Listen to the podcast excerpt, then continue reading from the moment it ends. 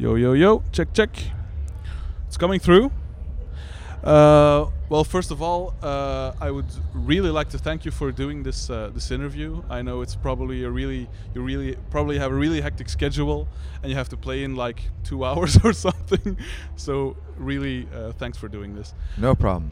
Um, well, I'm not gonna bother you with the standard, uh, you know, promo uh, stuff.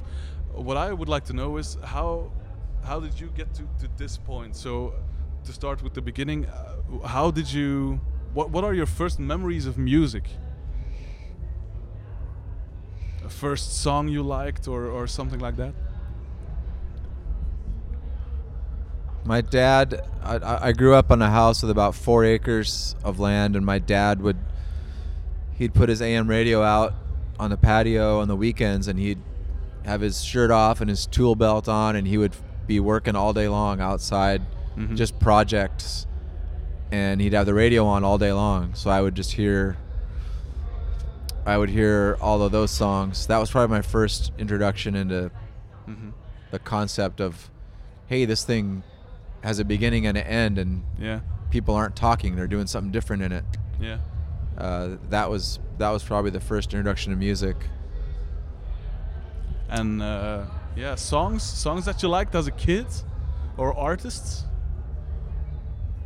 I just listened to whatever was on the radio, Yeah. you know, until probably early early high school, where I would go and buy like a. Nowadays they do called seven inches, but they were they were you were they were called singles. Yeah.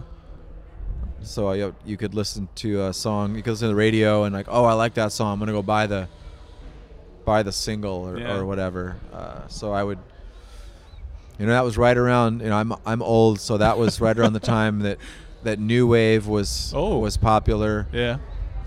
So like the Cars, Mm-hmm. Pat Benatar, uh, bands like that. Uh, yeah, stuff like that was happening. MTV had just started. Yeah. So I was listening to stuff on the radio, on the top 40 radio, when my when my parents would drive me to school, Yeah.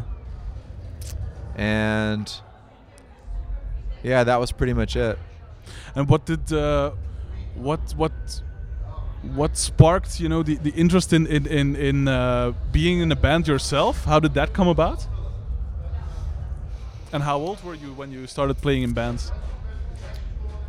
I was probably 19 or 20 when some buddies of mine were were just learning how to play music Yeah. on their own, and they weren't really into punk. By that time, I was I was really into punk, and and they had a bass player, a, gu- a guitar player, and a drummer. Mm-hmm. And they said they asked me if I would sing for their band, and I said I'll do it, but only if you guys play these Sex Pistols songs. That's a great condition. so I taught they learned how to play Sex Pistols songs, and that's and we played a couple parties and stuff like that. Yeah.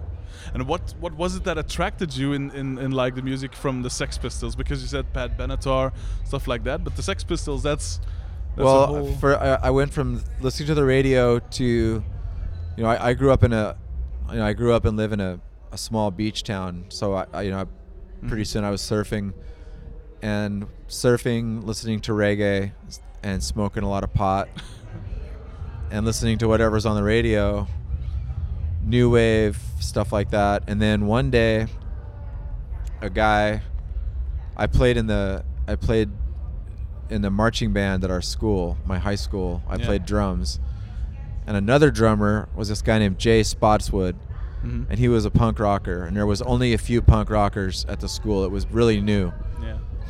and I was still a surfer. And one day we were on a trip to go march in this band contest, Yeah. and he had a, a boom box, and he played me. He played me "Chemical Warfare" by the Dead Kennedys, Oh wow. and I had, and it blew my mind. I was like, I've never heard anything that rad before. Yeah. And so that was it. Like after that, I just the next day I bought Plastic Surgery Disasters by the Dead Kennedys, Yeah. and I bought a JFA album. Cool. The next day I bought a Butthole Surfers album. and then I just bought record punk records after that. I would buy Maximum Rock and Roll. Yeah. I would read the like all the columnists' top albums, and if there was any that showed up on three or more, Yeah. I would buy that record. Oh. And. I bought, I, I was skateboarding too, so I bought Thrasher magazine. Yeah. Thrasher magazine would have a whole section about music, and so I would whoever they were talking about, I'd go, oh okay, I'll go buy the toy dolls. I'll go buy Yeah. buy this, buy Flipper, buy TSOL, Wow. and I just got into punk, and by that that's how I got into it, and I never stopped. um, how did you? When did you realize that you have, well, a great singing voice, if I may say so, and and that you had a talent for, for writing? Was that did that came before you started actually singing, or So I I would, I don't think I sing very well. come on, come on? I think that I've over over a couple decades of it, I've been able to beat myself into a serviceable Service singer. but I've I I seem to have early on had the ability to form form lyrics and you know Yeah. rhythmic things. I mean, I, that that part and all and it's in school English came really easy to me. Yeah. Like gr- like grammar, Yeah, yeah. writing. I mean, I'm a high, I'm a high school dropout and Mhm. math was always a problem for me, but English was never a problem for me. Mhm. I love to read. I was always able to write. I was always able to correct my grammar. Mm-hmm. Uh, I was always able to correct my grammar, and so that that I think that probably helped me become Mm-hmm. an okay songwriter. And then listening to Bad Religion, of course, was a f- was when it first clicked for me that like this guy's using using the music as a vehicle to carry this really intelligent lyrical message. Yeah. And what a concept! Like it, it elevated punk. It elevated it to being more than an enter- entertainment, Yeah. which is why I always sort of gravitated to to bands that were singing about something Yeah. relevant Mm. but I don't think I'm a very good singer. Like I, we were we toured over here in Europe in 1995 with this band called Tilt, Mm.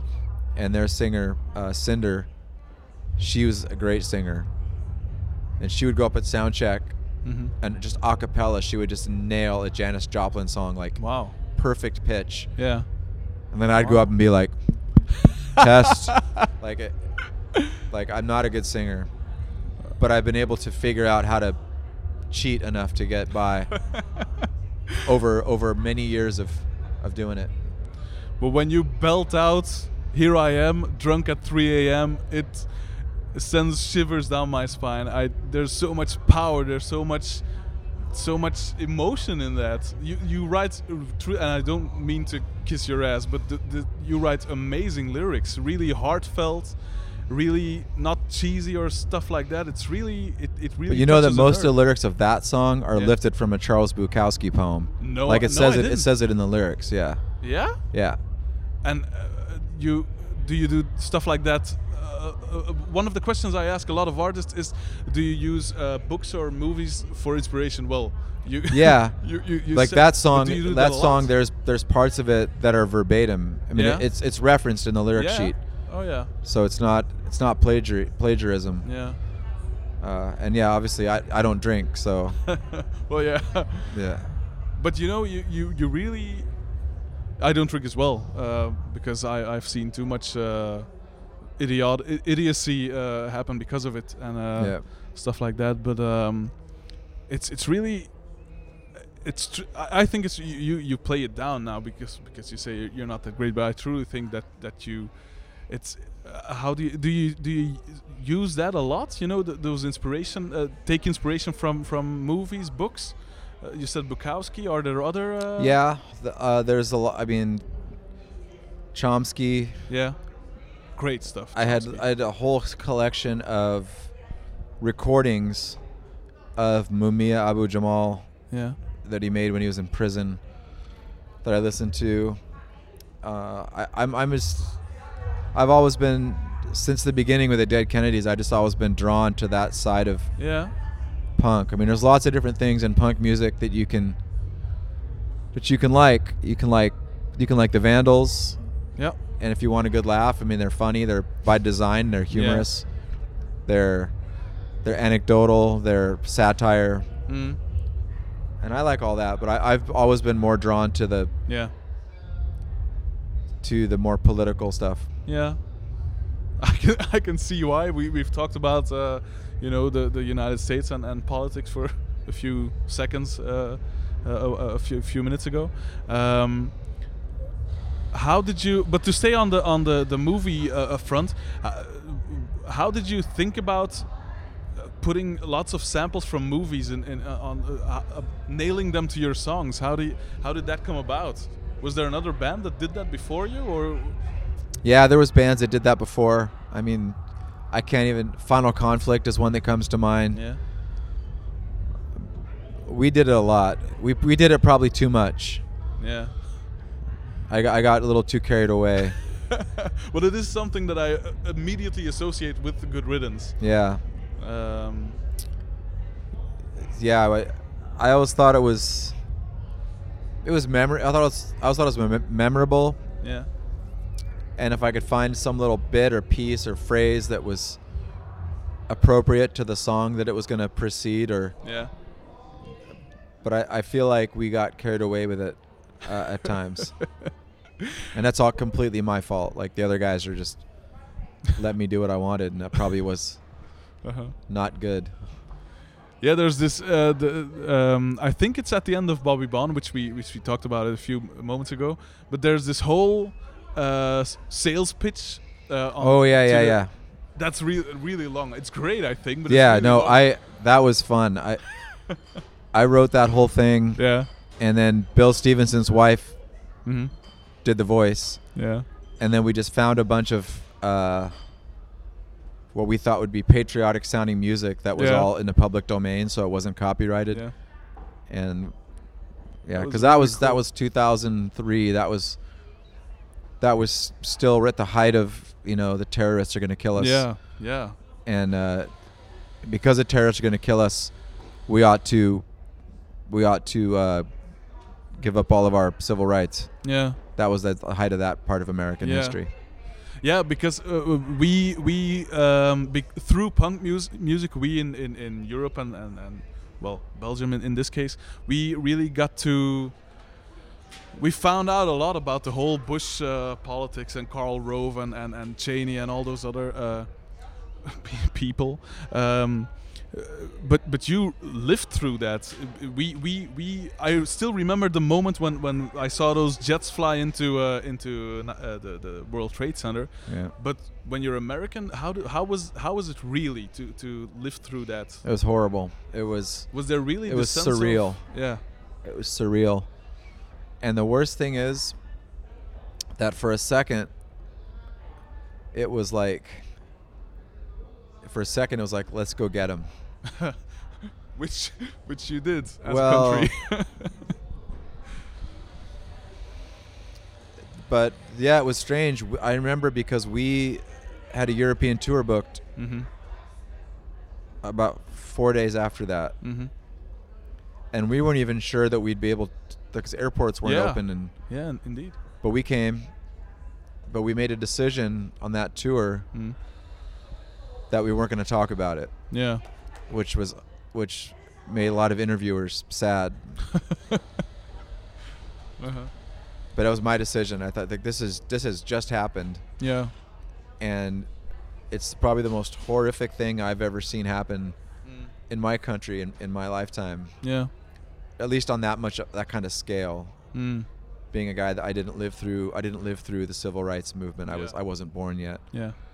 I was born at the tail end of the Vietnam War. Like so, for for me, this was. We were not in a position to where we could speak to it Mm-hmm. uh, we hadn't really fully processed it. We were, yeah. So we did. We came and we did the tour, and it was not not something that we talked about. Mm-hmm. Um, I, I we- spoke about Belgian politics as well a few uh, moments ago, um, but you had to. We've got an idiot in charge as well. let's make let's make that one one thing uh, clear. But um, uh, you had you had the idiot. You had George Bush. How amazingly frustrating were those eight years? It was bad. Because it know, but I. but it was we had eight years of Reagan as well, yeah. Okay. and uh, but yeah, I mean, no, it's as a person with my political point of view, it Yeah. was it was it was a bummer, you know. what what else can, what else can. I say?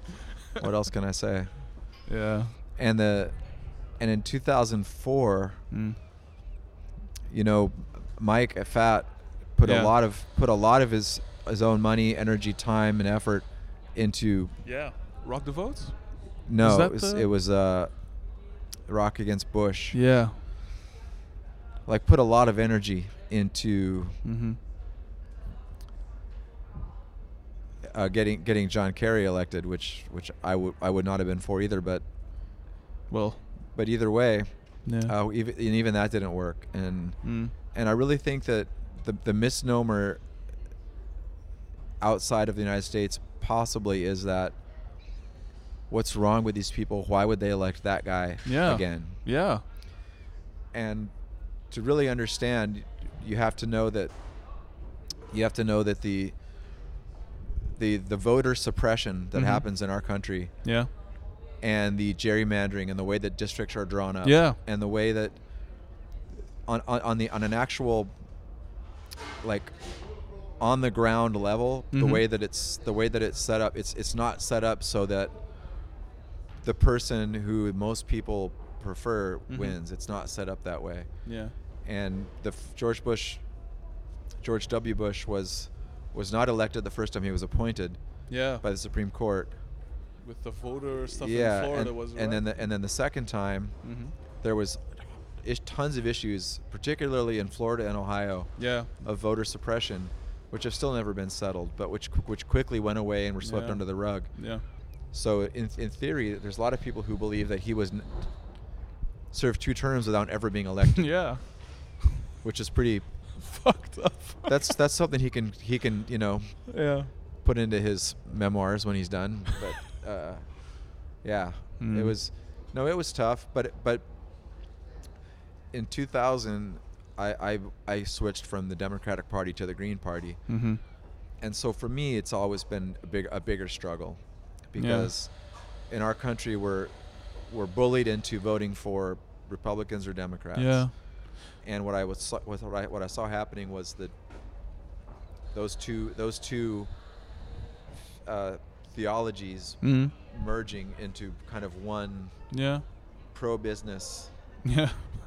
Theology, with basically the only difference being one was pro-choice and one was not. Yeah. Yeah. and of course, gun to my head, I, I would choose the one that's pro-choice. But I don't have a gun to my head, and I live in a free country, and so why would I vote for? Why would I vote for this? Yeah. Why would I vote for the Democratic Party when I could vote for the Green Party, Yeah. which on every single issue mirrors my ideals Yeah. Of exactly? Course. Of course. And in a free society, what we should have, I believe, is is overturn Citizens United, to get the money out of politics, so that when it's election time, Mhm. as I've seen done in European countries and in the UK and in Australia and in Canada, yeah. everybody who's going to vote gets to see all the different things. Yeah. And if there's going to be a debate, it's not it's not put on by a private company called the Commission on Presidential Debates. Yeah. It's put on by the government Yeah. for the for the for the edification of the voting populace. Yeah, of And course. so that's like if I, if what happens in our country is in 2004 George W. Bush and Mhm. John Kerry were going to debate Yeah. in St. Louis. The debate was sponsored by Bush. and it was it was put on by the Commission on Presidential Debates. Again, a private yeah. What's up? Yeah. Yeah. ja, ja. Oh. ah, ja, eh, die mevrouw had gezegd dat we dat konden gebruiken, maar... eh, ehm, Oké, ja, dan... eh, ja, dan zullen we het moeten... Ja, ik weet het, ik weet het. Um, can, we, can, we, can we continue this somewhere else, you think? Or... It's yeah, long, as long as it's not dressing room. problem. Is het probleem lang kan het duren? Of? Goh, een half uur of zo toch nog? Dat is te moeilijk, hè?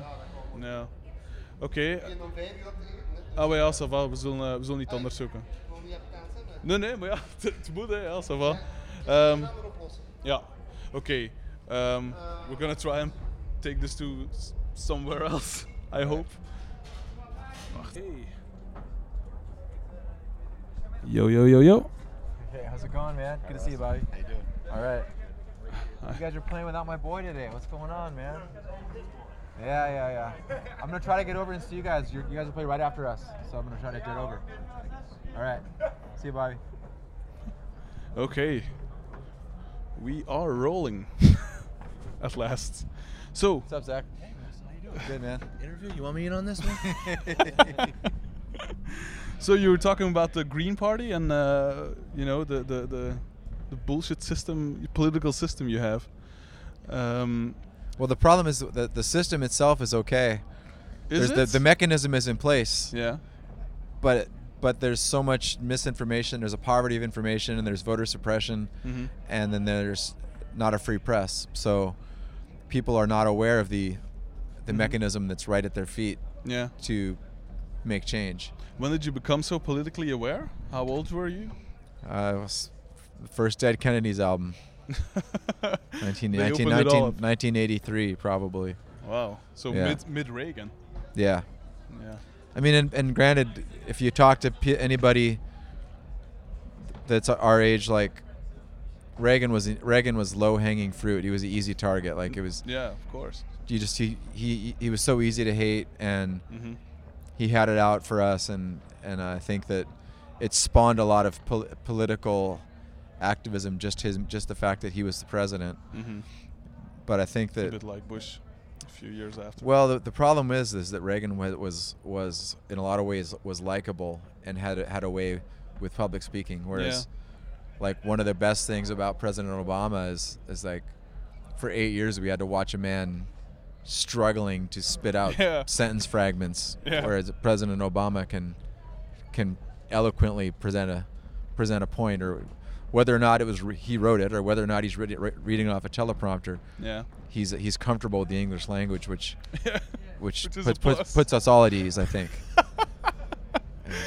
um, what I uh, well, I wanted to say it a few moments ago before we were interrupted, but basically because you said you, you vote for the for the for the Green Party, the- Yes. the, third party, uh, and I think it was comedian. but it's not the third party. There's there's a Green Party, there's a Libertarian yeah, Party, yeah, there's Peace course. and Freedom. There, Yeah. so there's more than three. There's more than four. There's there's a lot of Yeah. parties.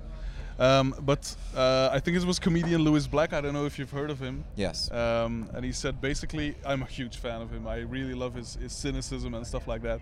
And he said it was basically choosing between two bowls of shit, the Democrats and the Republicans. Um, and I really, I, I really like all this stuff, of course. Um, now but there there are, in my experience, there are there are Democrats who, who I think are good Mhm. public servants. I'm fortunate where I live. Yeah. my two my two representatives that are in my area Yeah. of where I live at this time are both Democrats and are Mhm. both people who I believe are good public servants Yeah. and and are very much on sort of my end of the, the spectrum. Mm-hmm. And then you've got people like Elizabeth Warren Mm-hmm. and you've got the the new improved Hillary Clinton who is very very much to the left now, Yeah. not the way she was before. Yeah, indeed. but but so I think it's it's unfair. I think it's unfair. While I can see how it's convenient and makes for good comedy, I think it's unfair to paint to paint every Democrat this yeah, way or every Republican this of way. Of course, yeah. Uh, you know, J- Joe Escalante, who's the bass player of the Vandals, is a good friend of mine. He's a Republican. Yeah. We're still friends. Uh, Yeah. so I, was, I think it's the, the we started getting in trouble when we begin to like dig these deep dogmatic trenches that we just kind of live in. Yeah, of course. Uh, yeah. So well, I, I would be for I would be for a a, tele, a televised debate Mm-hmm. where anybody any any candidate who's going to be on my ballot, Mhm. I ought to be able to see their face and hear them talk. Yeah, of course. That's that's what I think. Yeah. Uh, and so that I think we'd have a more informed populace. We have the, our voter apathy, our rates of people that don't show up Yeah. and vote Yeah. are lower every election cycle. Yeah. And I don't think it's by accident. No, no. Um, well, to go back to, to, to the music, to the, the, the real uh, craftsmanship, do you guys how does a how does a good riddance song come about? Is it first? Do you sit together? Is it one guy that comes with you know the skeleton of a song, and do you finish it in, in with the band, or is it you that starts with the lyrics and then you? So early on in the band's career, our, our first album ended up being a collection of songs Mhm. that had been mostly songs that had been sitting around for three or four years Yeah. as we tried to become a an actual band. Mhm. And then there was a couple songs that we wrote leading up to the recording. Yeah. But at that point, we were still, you know, Luke was the guitar player. He would have riffs. Mm-hmm. I had taught myself how to play guitar, and I would have a riff or two here or there. Mm-hmm. And we were just sort of piecing things together. Mm-hmm. After that album, we were on tour in Europe, and it was Tony Sly who pulled me aside and said, Yeah. he said that uh, you you should be the songwriter, Mm-hmm. and that you should start thinking about this in terms of full songs. Yeah. which was a new concept for me. I always thought that you just kind of you got together with your bandmates and you had 15 different riffs and you just sort of gaffer taped them all together and then you Yeah. had a song. Yeah. And after that, I, when our, we I started writing our second album, I began to think in terms of like I'm not bringing I I know I have my guitar, Mm-hmm. but I'm not bringing this to the guys until it's done, until it's got a Oh, beginning, yeah. a middle, and an end. It's got, and they're gonna like pick away at it, and things are gonna change. But, but I want to think of it in terms of like a complete thought Mm-hmm. and that's how I went into writing songs after that. So for Good Riddance, most of the songs I wrote on guitar, and I wrote all the lyrics. Yeah. wrote most of the songs on guitar. Every album there'd be a handful of songs that Luke would write on guitar, and I would write lyrics over them. Yeah. And some of those, like "Weight of the World," "Fertile Fields," "Heresy," "Hypocrisy," and "Revenge," hugely popular songs. Yeah. Songs written by Luke, and that I wrote lyrics to. Yeah. So that's the perfect uh, combination of, of Yeah, like know, and, and and over time, like he he got to sort of figure out where I was because sometimes he would his his songs. yeah.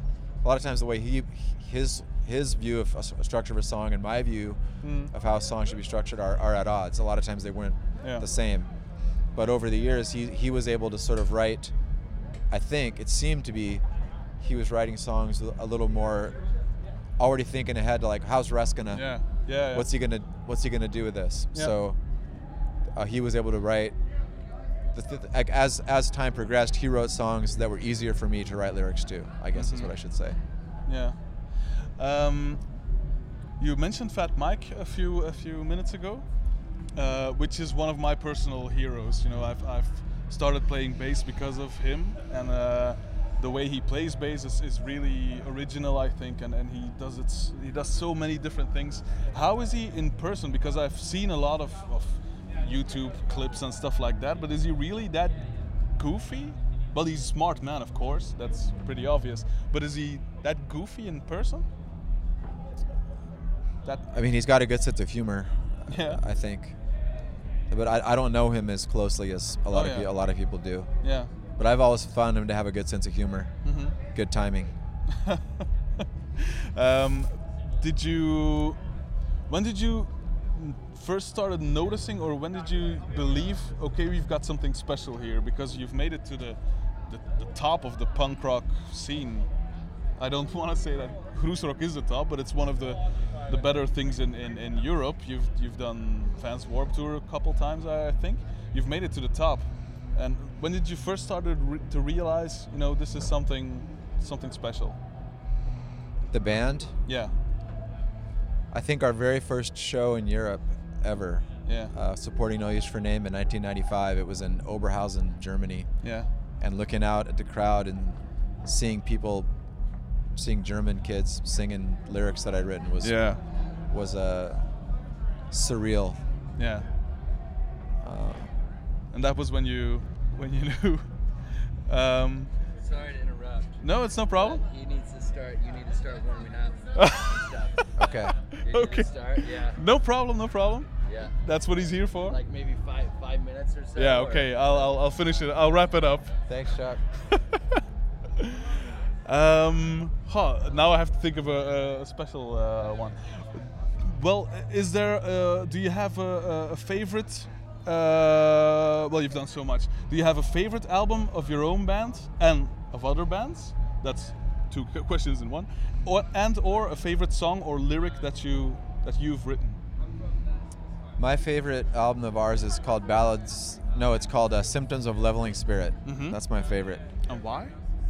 That was 2001. That was probably the height of Good Riddance. That was, like you said, we were. uh, When did you realize you were at the top of the? But like, I, we've never been at the top of the heat. We were never. We were a, Pretty a much. second, second or mid-tier band, which is fine. Yeah. that record that record i feel like there's a lot of good things going on in my life when we wrote that record it was a real positive happy time Yeah. and we were sort of still trending upward like that album when that album was released Mm.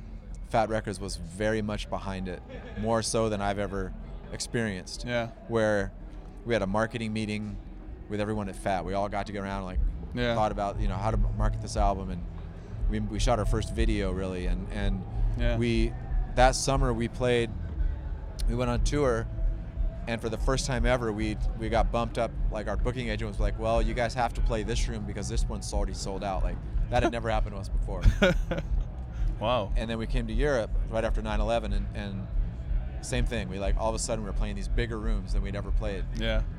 and selling them out and we were like wow this is really cool and then like in, in the US Mm. every town we went to, there was something in the weekly entertainment Yeah. paper about us. There was a feature. Like we, Fat Wreck Chords had really put its collective weight behind the album, and it was it was something that we could see and feel. Yeah. So that was really cool. I mean, Mhm. that was that ended up being the biggest we ever got, Yeah. but it was still really awesome. And I feel like it's a strong record, and I feel like it stands the test of time. And I feel like it's really where I caught my. I feel like I really got my stride as a songwriter. Like I really feel like I Yeah. figured it out Yeah. on that on that album. Great. And do you have a favorite uh, favorite lyric to, to one song or, or a favorite song lyric wise? I've always liked Libertine Yeah. on that album the best. Yeah. Uh, I, am not sure why. I just it's it's like uh, you know the Descendents have that song. Mm-hmm. Thank you for playing the way you play like that. Like Yeah. it, the Libertine was sort of like my love song to music, Yeah. and and I really feel like it was. It ended up as a songwriter. Sometimes we picture in our heads how we want the song to end up being. Yeah. And when it ends up that way, it's it's a small little victory for the Mhm. songwriter. Like the the intent and the idea are, Mhm. have actually become a song, Yeah. and that that song was ended up being what I wanted it to be. Actually, even turned out better than I thought it would. mm-hmm. So I was really happy. Okay. Uh, so uh, the, the final the final question. Um, what what other artists you can name a few are your absolute favorite artists? Doesn't have to be punk rock or, or hardcore or stuff like well, that. Well, my favorite band of all time is the Adolescents. Okay. That's my favorite band of all time. And why? to me they they they they capture everything that is that is great about California punk rock. Yeah. Uh, they they had the attitude, they had the sense of melody, uh, the way that the just when I when I listen to the Adolescents, I think about Cal I'm, I think about California, Yeah. and I also really like uh, Billy Bragg, Yeah. the old '97s, Mm-hmm. just weird stuff that people wouldn't. The Skints. Yeah. Uh, what else? That's pretty much it. okay. Well, uh, can I really, really thank you for well, first of all, for your patience oh, going, Oh, okay, going no through problem. with all this, and just for wanting to talk to me, to to make to free up your time and stuff like that. It was truly an honor. I really, I, I said it before. I'll say it again. I think you have a great, great, great, great singing voice. Your lyrics are great Thank you. things as I said, Bobby Bound, Dylan, Libertine, all those things. It's truly, truly great. Fire Engine Red, stuff like that. Thank you. Um, it was truly an honor, and can I just say, uh, good luck out there. Thanks. And and have a ball and have a waffle or some Belgian chocolates or any of the other Belgian cliches. None of those are vegan, so we're probably not. Yeah. okay. Uh, well, thanks. Thanks a lot. Thanks, man. Okay. So. thanks, uh, for, thanks for putting up with all that. That's no, that's that's that's no problem. It truly was an honor. Okay. Uh, So apparently I'm supposed to go get ready. yeah, yeah.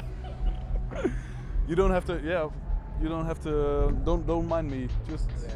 do your do your stuff. Cool, man. Well, thank you. Thanks. Uh, you, thank you.